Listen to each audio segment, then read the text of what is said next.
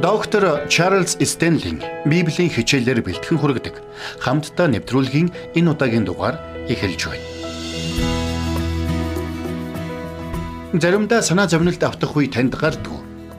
Хэрвээ тийм бол санаа зовнил нь Бурханаас бидэнд бэлдсэн тэрхүү баяр хөөр, сэтгэл хангалуун байдлыг хулгайлдаг аюултай хулгайч гэдгийг бид ойлгох хэрэгтэй юм. Гэхдээ бидний аз улхад санаа зовнилоос ангиж ирж Бурхны амар тайвныг хүлээн авах арга замыг Библи бидэнд зааж өгсөн байна. Тиймээс хэрвээ таны амьдрал санаа зовнил, тодорхойгүй нөхцөл байдал, айдас төгшүүрээр дүүрэн байгаа бол энэ цагт Бурхны үг рүү анхаарлаа хандуулаарай. Доктор Стенли бидэнтэй сэтгэл хангалуун амьдралын нууцыг нээх болно.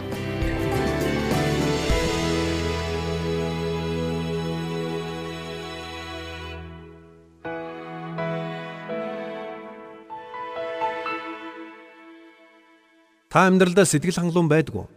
Эсвэл таны амьдрал түгшүүр санаа зовнилоор дүүрэн байдгүй. Үнэн дээр Бурхан биднийг санаа зовнилоор дүүрэн байгаасаа гэж хүсдэггүй юм. Харин биднийг сэтгэл хангалуун амьдраасаа гэж хүсдэг. Гэвч энэ санаа зовнил нь биднийг сэтгэл хангалуун амьдрахад ямагт саадуулж байдаг юм. Тиймээс өнөөдөр би та бүхэнтэй эхлээд биднийг сэтгэл хангалуун амьдрахад саад болдог хүчин зүйлүүдийн талаар ярилцахыг хүссэн юм. Харин дараа нь жинхэнэ сэтгэл хангалуун амьдрал гэж чухам юу юм бэ гэдэг гол түлхүүрүүдийг хэлж өгье. За тиймээс самтта энэ цагт Филиппо номын 4-р бүлгийг гаргаад харъя. Энд бичигдсэн хоёр ишлэлийг та бүхэн сайн мэдэх бах. Гэсэн хэдий энэ хоёр ишлэлээр дамжуулаад Бурхны бидэнд хэлхийг хүсэж буй тэр утга санааг бид яг тэр бүрчлэн ойлгож чаддаггүй юм. Тиймээс хамтдаа энэ хоёр ишлэлийг юуны өмнө харъя. Филиппо номын 4-р бүлгийн 6 7 Илч Паул энэ хэсэгт инхүү өгүүлсэн байна. Юунд ч бүр санаа зов. Харин альва зүйлд залбирлаараа болон гуйлтаараа талархалтайгаар хүсэлтэд бурханд мэдүүл. Бүх оюун ухааныг давах бурхны амар тайван та нарын сэтгэл санааг Христ дотор хамгаална гэсэн байна. За тэгэхээр сэтгэл хангалуун байдал гэдэг нь нэг талаас амьдралын альва нөхцөл байдалд дасан зохицох чадвар юм. Энэ бол бид альва асуудлыг даван гарч чадна гэсэн итгэл найдварын мэдрэмж юм. Өөрөөр хэлбэл Есүс Христийн дотроос би бүхнийг даван туулж чадна гэсэн итгэл нь биднийг амьдралдаа сэтгэл хангалуун байх хүчийг өгдөг юм. Харин эсэргээрээ санаа зовнил нь биднийг ирээдүйдээ итгэлгүй байдал руу хөтэлдэг юм. Ирээдүйд юу тохиолдохыг би мэдэхгүй байна. Надад ямар ч зүйл тохиолдлоо гэхэд би яах ёстойгоо мэдэхгүй байна. Гисэн дүгшүүрийг бидэнд мэдрүүлж байдаг юм. Тэгэхээр санаа зовнил гэдэг нь би нөхцөл байдлаа хяналтандаа байлгаж чадахгүй нэ гэсэн түгшүүртэй таагүй мэдрэмж гэж бид ойлгож болно. Нөгөө төгөр санаа зовнил нь бидний амьдралд хэрхэн сөргөөр нөлөөлдгийг бид бүгд сайн мэднэ. Учир нь санаа зовнилд автаж үзээгүй хүн гэж үгүй. Бид бүгд л хизээ нэгэн цагт санаа зовнилд автаж байсан шүү дээ. Гэсэн ч санаа зовнил гэж чухам яг юу болохыг энэ нь бидэнд хэрхэн сөргөөр нөлөөлдөг болохыг би та бүхэн товчхон сануулахыг хүсэж байна. Юуны төрөнд санаа зовнил бол итгэвч хүний амьдралд нуугдсан аюултай хулгайч юм.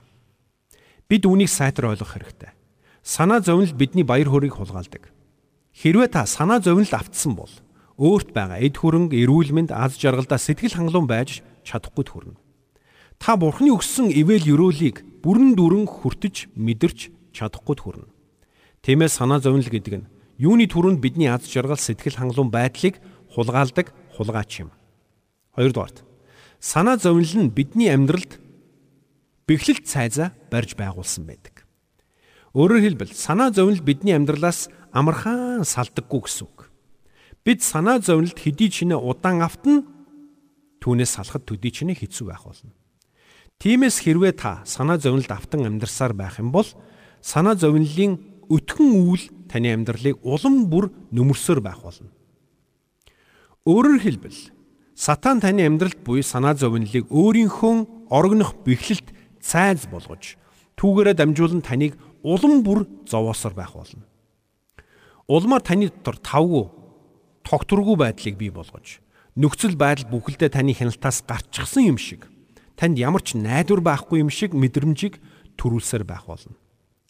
Эсвэргээр сэтгэл хангалуун байдал нь бидний дотор итгэл найдварыг өгч байдаг юм. Энэ нь миний амьдралд ямар ч нөхцөл байдал тулгарсан. Христийн дотроос би даван гарч чадна гэсэн итгэл найдвар юм. Сэтгэл хангалуун байдал гэдэг нь нэг төрлийн дотоод амар тайвныг хэлж байгаа юм. Энэ амар тайван байдал нь нөхцөл байдлаас шалтгаалдаггүй юм. Учир нь бурхан бидний гадаад нөхцөл байдлаас шалтгаалж амьдраасаа гэж хүсдэггүй. Яг гэвэл бидний эргэн тойрны нөхцөл байдал ямагт өөрчлөгдөж байдаг. Хэрвээ бидний амьдрал тэр нөхцөл байдлаас шалтгаалдаг байсан бол бидний амьдралч бас хизээч тогтвортой амар тайван байж чадахгүй гэсэн үг. Тиймээс Христэд итгэж бидний хувьд жинхэнэ сэтгэл хангалуун байдал гэдэг бол бидний нөхцөл байдлаас бус харин бидний дотроос тодруулбал Есүс Христэд итгэх бидний итгэлээс шалтгаалдаг гэдгийг ойлгох нь амин чухал юм.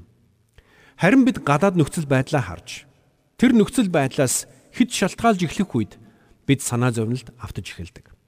Цаашлбал санаа зовнил нь бидний шийдвэр гаргалтад сөргөөр нөлөөлдөг юм. Учир нь санаа зовнилын цаана үргэлж айц дөгшүүр байдаг юм. Харин айц нь биднийг эрүүл саруулаар сэтгэхэд саад болдог айц дүгшүүрт автсан хүн итгэлтэйгээр ухаалаг шийдвэр гаргаж чаддаггүй. Тиймээс ч бурхан биднийг айц дүгшүүр санаа зовнилын өтгөн манан дунд амьдраасаа гэж огт хүсдэггүй. Цаашилбал санаа зовнил нь бидний эрүүл мэндэд сөргөөр нөлөөлдөг. Аливаа хүн санаа зовнилд автах үед юу болдог вэ? Тэр хүний бүх булчин чангардаг юм. Улмаар тэр хүний мэдрэлийн эсүүдэд сөргөөр нөлөөлж эрч хүчийг нь сорж эхэлдэг юм. Төд удалгүй санаа зовнилд автсан хүн амьдралдаа ямар ч эрч хүчгүй нэгэн болж хувирдаг юм. Тиймээс санаа зовнилд автан амьдрах нь бидний эрүүл мэндэд маш сөрөг нөлөөтэй гэдгийг бид ойлгох хэрэгтэй. Цааш нь үргэлжлүүлбэл санаа зовнил нь гим нүглээ гэдгийг Библиэд хэлсэн байна. Энэ талаар Илч Паул юу гэж бичсэн болохыг хамтдаа харцгаая. Филиппо номын 4-р бүлгийн 6-аас 7-ыг дахин уншийе. Юунд ч санаа бүзов. Харин альва зүйл залбирлаараа болон гуйлтаараа талархалтайгаар хүсэлтэд бурханд мэдүүл. Бүх оюун ухааныг давах бурхны амар тайван та нарын сэтгэл санааг Христ Есүс дотор хамгаална гэсэн байна. Үнэн дээр Христэд итгэж бидний хувьд санаа зовнилд автах ямар ч бодит үндэслэл байхгүй юм. Учир нь санаа зовнил бол нэг төрлийн гим нүгэл юм. Яагаад санаа зовнил нь гим нүгэл болохыг би танд одоо тайлбарлаж өгье. Санаа зовнилын цаад уг үндсийг нь нухацтай аваад үзэх юм бол энэ нь зүгээр нэг сөрөг сэтгэл хөдлөл биш харин ухамсартайгаар гаргаж буй шийдвэр болохыг та ойлгох болно. Тэр утгаараа санаа зовнил нь бидний баяр хөөр аз жаргал амар тайвныг хулгайлаа зогсохгүй. Бурхны эсрэг мөн өөрсдийнхөө эсрэг үйлдэж буй гим нүгэл гэдгийг бид ойлгох хэрэгтэй. Хэрвээ бид саяын уншсан Филиппо номын 4-р бүлгийн 6-аас 7-ыг санах юм бол эндээс өөр нэгэн чухал зүйлийг олж харах болно. Энд илч Паул хэлэхдээ юунд ч бүр санаа зов гэж хэлсэн байна. Өөрөөр хэлбэл бидэнд санаа зовох ямар ч шалтгаан байхгүй гэсэн үг юм. Учир нь санаа зовнилд өөр нэгэн сөрөг тал байдаг. Энэ юу вэ гэвэл санаа зовнил нь амин хуваа хичээсэн хандлагыг үргэлж төрүүлдэг юм. Жишээлбэл санаа зовнилд автсан хүн байлаа гэж бодъё. Тэр хүн өөрийн эрэхгүй санаа зовнилоо бусадтай хуваалцах болно. Улмаар хүмүүс түүнийг өрөвдөж, хайрлаж, анхаарал хандуулж эхэлдэг юм. Гэтэл хэсэг хугацааны дараа тэр хүн бусдын анхаарал, бусдын халамж, бусдын дэмжлэгт амтшаад улмаар санаа зовнилоо бусдын анхаарлыг өөртөө татах хэрэгсэл болгон ашиглаж эхэлдэг юм. Улмаар тэр хүн санаа зовнилоосоо салах сонирхолгүй болж хувирдаг. Учир нь санаа зовнилоор нь дамжуулаад түүн рүү ирж байгаа бусдын анхаарлыг тэр алдахыг хүсдэггүй юм. Энэ нь тэр хүн улам бүр өөр дээрээ төвлөрсөн, өөрийгөө өрөвдсөн. Бусдыг бус өөрийгөө энэ тэргүүнд тавьсан хүн болон хувирч байдаг юм. Тэгвэл бид санаа зовнилоос хэрхэн ангижрах вэ? Санаа зовнилоос ангижрахын тулд бид санаа зовнилыг үүсгэж байгаа үндэс рүү очих ёстой. Миний бодлоор санаа зовнил нь гурван салаа бүхий нэг үндэстэй гэж боддог. Санаа зовнилын уг үндэсний эхний салаа нь айдас төгшүр юм. Учир нь санаа зовнил бүхний цаана айдас байдаг юм. Энэ нь нөхцөл байдал, тодорхойгүй байдал, тодорхойгүй ирээдүгээс болгоомжилж нөхцөл байдлыг хянах хяналтаа алдахгүй гэхээс айх айдас юм. Энэ айдас нь айжмаар биднийг хүлж, биднийг ямар ч шийдэмгий алхам хийж чадахгүй түрэгдэг. Тэгэхээр санаа зовнилын уг үндсэнд оршдог нэг том салаа нь айдас байх нь. Тэгвэл биднийг хүлхийг оролдож байгаа санаа зовнилын уг үндэсний хоёр дахь салаа нь үл итгэл юм. Мэдээж санаа зовнилд автлаа гэд та үл итгэгч болчихгүй. Та санаа зовнилд автж л байгаа бол итгэгч хүн биш байна гэж хэлэх гээгүй юм шүү. Мэдээж бид оюун санаанда бурхан бидний асуудлыг шийдвэрлэх хүчтэй гэдгийг мэдэж байдаг. Гэхдээ аливаа зүйлд хандах бидний сэтгэл хөдлөл тэр бүр бидний оюун санаанд захирагддаггүй. Жишээ нь таны амьдралд ямар нэгэн гинтийн зүйл тохиолджээ гэж бодъё. Нөхцөл байдал таны бодсноос эсэргээр эргэж эхлэх үед аажмаар айц хүз таныг нүмерч эхлэх болно. Энэ нөхцөл байдалд би яах ёстой вэ? Гисэн асуулт таныг нүмерч. Тэр үед та сандралд автаж эхлэх болно. Магадгүй та урд өмнө ийм нөхцөл байдалд орж байгаагүй байж болно. Тэр цаг таны төлөвлөсөн санхүүгийн хувьд эрсдэл хүлээж чадна гэж бодож байсан бүхэн талаар болж таны огт бодож төлөвлөөгүй зүйлс таны амьдралд нүүрлэж эхлэх үед та гарцаагүй барьц алдан твдэх болно. Уг нь бол Бурхан бүхнийг мэдгч, бүхнийг чадагч гэдгийг бид мэднэ. Бурхан бидний төлөө бүхнийг хийх чадaltaй. Тэр бидэнд туслаж чадна гэдгийг би мэддэг. Гэвч хэдийгээр бид үүнийг мэддэгч бидний сэтгэл хөдлөл заримдаа бидний толгойдох мэдлэгийг давж гардаг юм. Улмаар бид Бурхны тухай мэдлэгтэй бус харин дотроос төрж буй сэтгэл хөдлөлдөө автаж эхэлдэг юм. Энэ нь бидний дотор айдас хүчийг төрүүлдэг. Тэгвэл энэ бүхний цаана уг үндэс нь юутай холбоотой байна вэ? Бүхий санаа зовнилын цаана үл итгэл оршиж байгаа юм. Өөрөөр хэлбэл санаа зовнилд автна гэдэг нь Бурхан энэ асуудлыг шийдвэрлэж чадахгүй бол яах вэ? Бурхан миний асуудлыг шийдэж чадахгүй бол би яадаг вүлээ дээ гэсэн хандлага гарч ирж байна гэсэн үг. Тэгвэл би танаас асууя. Гэтэл бидний нөхцөл байдлыг хэрхэн шийдвэрлэх вэ гэдгээ Бурхан бидэнд заавал илчлэх хэлэх албагүй гэдгийг бид ойлгох хэрэгтэй. Бурхан бидэнд юу хийх гэж байгаагаа заавал илчлэх ёстой гэсэн үг Библиэд нэгч байхгүй. Харин ч бид сэтгэл хангалуун амьдарч байхыг хүсэж байгаа бол хоёр зүйлийг Бурханд бүрэн даатгаж сурах хэрэгтэй. Энэ бол хизээ болон яаж гэсэн зүйлсүүд юм. Бидний санааг зовоож байгаа асуудлыг хизээ болон яаж шийдэх вэ гэдгийг та Бурханд даатгаж сураарай. Учир нь бид Бурхан бүхнийг хийж чадна гэдэгт итгэдэгч санаа зовсоор байна гэдг нь Бурхан тэр асуудлыг зөв хугацаанд нь зөв арга замаар хийж чадахгүй бол яах вэ хэмээн санаа зовж байгаатай адилхан юм. Тиймээс хэрвээ би сэтгэл хангалуун амьдрахыг хүсэж л байгаа бол Бурханы товлсон цаг хугацаа, Бурханы тогтсон арга замуудад буулт хийж сурах хэрэгтэй. Учир нь аливаа зүйлийг хийзээ хэрхэн хийх нь зохистой вэ гэдгийг Бурхан биднээс хамаагүй илүү мэднэ шүү дээ. Тэгэхээр бидний санаа зовнилын уг үндсэн ихний салаам учир нь айдас байдаг бол хоёр дахь салаам учир нь үл итгэл байдаг болохыг бид үзлээ. Тэгвэл гурав дахь бөгөөд маш чухал нэг асуудлыг бид ярилцахгүй өнгөрч болохгүй юм. Биднийг санаа зовнилд автуулахад хүргэдэг гурав дахь том шалтгаан бол бидний зүрх сэтгэлийн мухарт байдаг Бурхны байрыг булаах гэсэн хандлага юм. Энэ юу гэсэн үг юм бэ?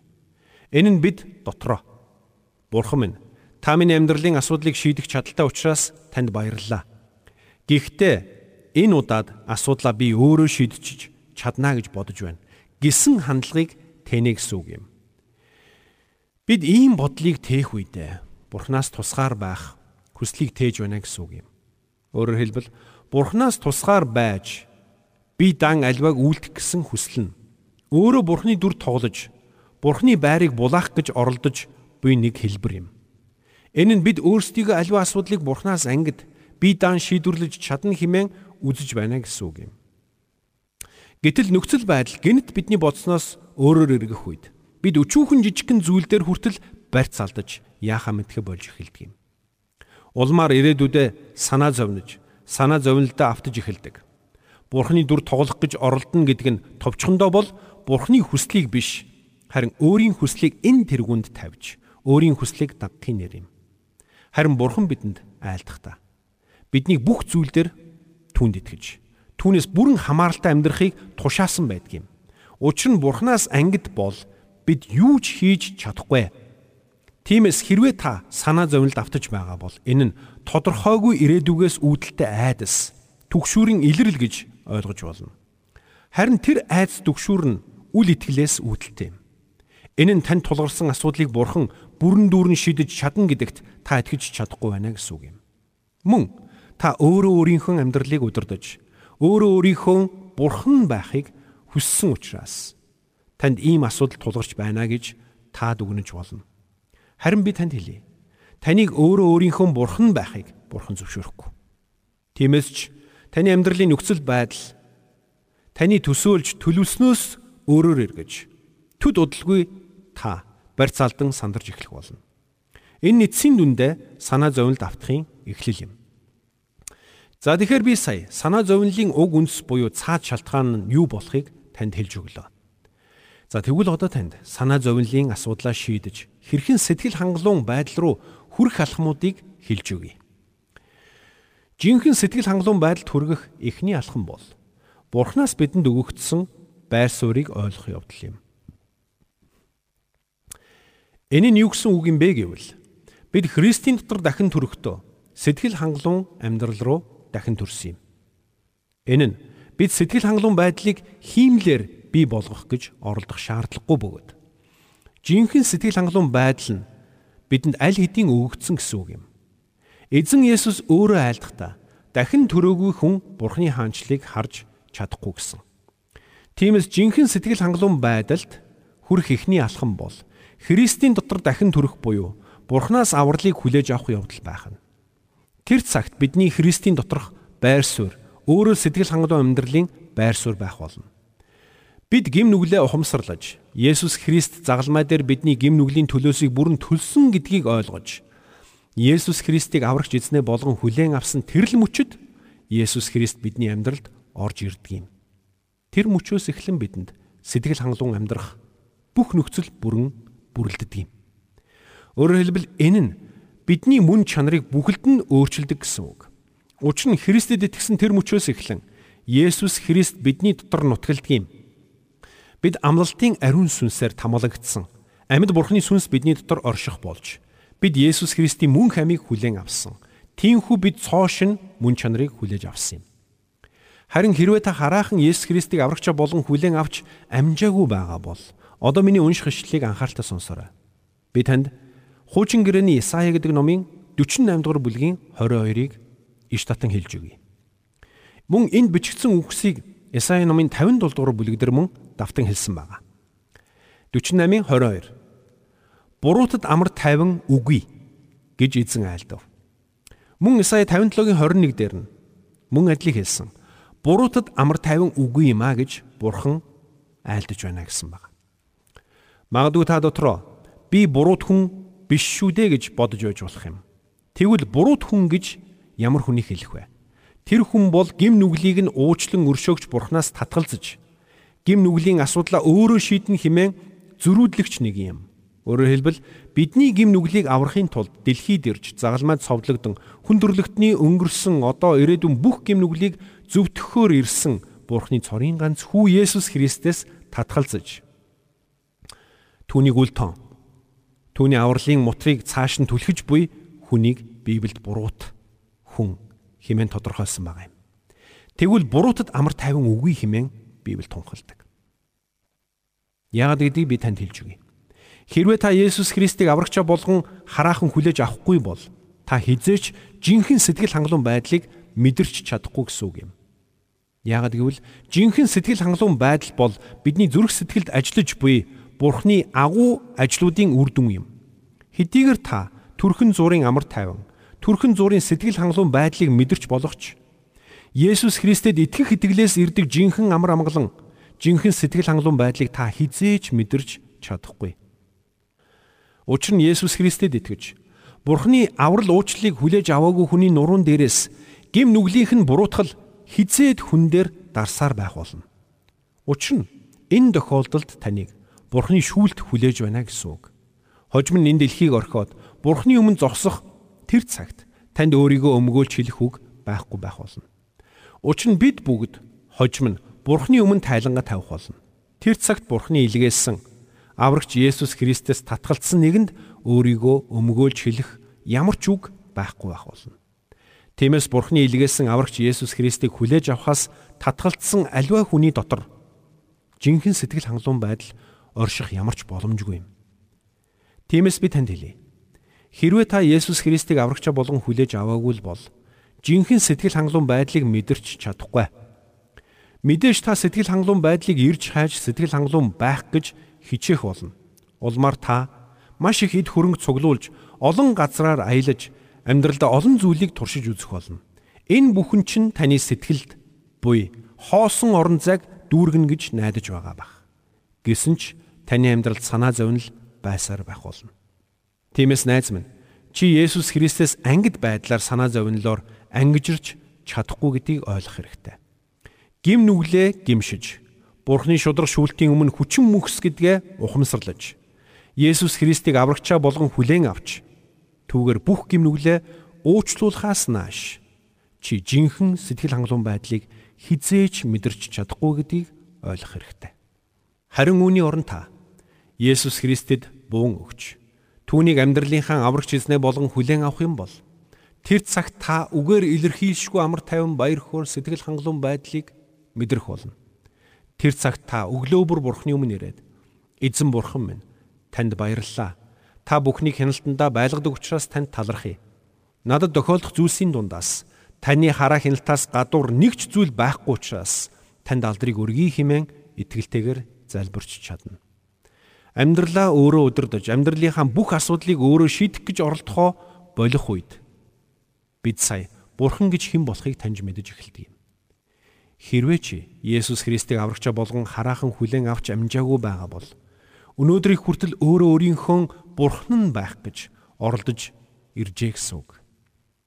Гэвч тэр бүх оролдлого чинь ямар ч үр дүнгүй бөгөөд танд бурханы шудраг шүүлтээс өөр юу ч авчрахгүй гэдгийг та ойлгох хэрэгтэй. Харин бурханы илгээсэн аврагч Есүс Христийг хүлээн авсан тэрл мөчөд та бурхнаас ирсэн жинхэнэ амар тайван, уучлал өршөөл, баяр хөөр сэтгэл хангалуун байдлыг хүлээн авах болно. Тэгэхээр Есүс Христийг аврагчаа болгон хүлээн авах нь жинхэнэ сэтгэл хангалуун байдалд хүрэх эхний алхам байх нь. Гэхдээ энэ бол ердөө л эхний алхам. Харин дараагийн дугаараараа би танд дараа дараагийн чухал алхмуудыг хэлж өгөх болно. Харин таны хувьд хэрвээ та энэ чухал эхний алхмыг хийж амжаагүй байгаа бол яг одоо хийгээрэй. Есүс Христийг аврагчаа болгон хүлээн аваарай. Тэгэл Бурханаас ирэх жинхэнэ чөлөөлөлд жинхэнэ эрх чөлөө гэж юу болохыг мэдрэн хүлээн аваарай. Тэр цагт таны амьдралыг хүлж байсан санаа зовнил, айц түгшүүр арилан одох болно. Өнөөдөр та амьдралдаа жинхэнэ амар тайван сэтгэл хангалуун байдлыг эрен хайж байна уу? Хэрвээ тийм бол амин чухал зөвлөмжийг доктор Стенли бидэнд өгч байна. Юу гэвэл Есүс Христэд итгэж түүнийг аврагчаа болгон хүлээн авч амьдралыг чинь бурхан бүхэлд нь харж хамгаалж байгаа гэдэгт итгэх үед таныг хүлж байсан санаа зовнил айдас төгшүүр аажмаар арилан одох болно гэдгийг доктор Стенли сануулж байна. Өөрөөр хэлбэл таныг айдас төгшүүр санаа зовнилоос ангижруулах гол түлхүүр бол бурханд итгэх итгэл гэдгийг та ойлгоорой. Филиппой 4-р бүлгийн 12-оос 13-д Илч Паул хэлэхдээ Би тарчигхан байхыг ч мэднэ. Илбэг дэлбэг байхыг ч мэднэ. Ямар ч альва нөхцөл байдалд цадгалан болон өлсөглөн байх, элбэг байх, дутагдахын аль альны нууцад би суралцсан. Намайг хүчрхэгжүүлэгч түүгээр би бүгдийг хийж чадна гэсэн байдаг. Үнэхээр Паул сэтгэл хангалуун амьдралын нууцад суралцсан нэгэн байсан.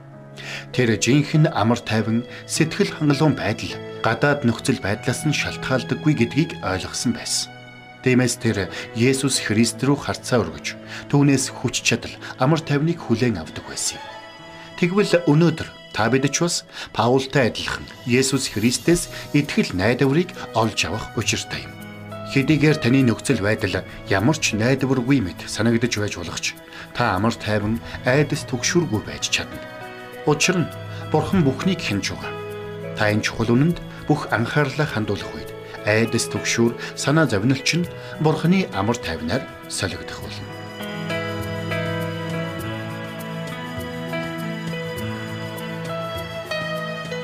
Бурханд тэмүүлсэн сэтгэл хүмүүсийг энэрх зөрхөөр амьдрахад туслах номлогч доктор Чарлз Стенлигийн хамттай нэвтрүүлэг сонсогч танд хүрлээ. Нэвтрүүлгийг дахин сонсохыг хүсвэл ихтгэл радиоцик.com-оор зочлоорой. Бидэнтэй холбогдохыг хүсвэл 8085 99 тэгтэг дугаард хандаарай.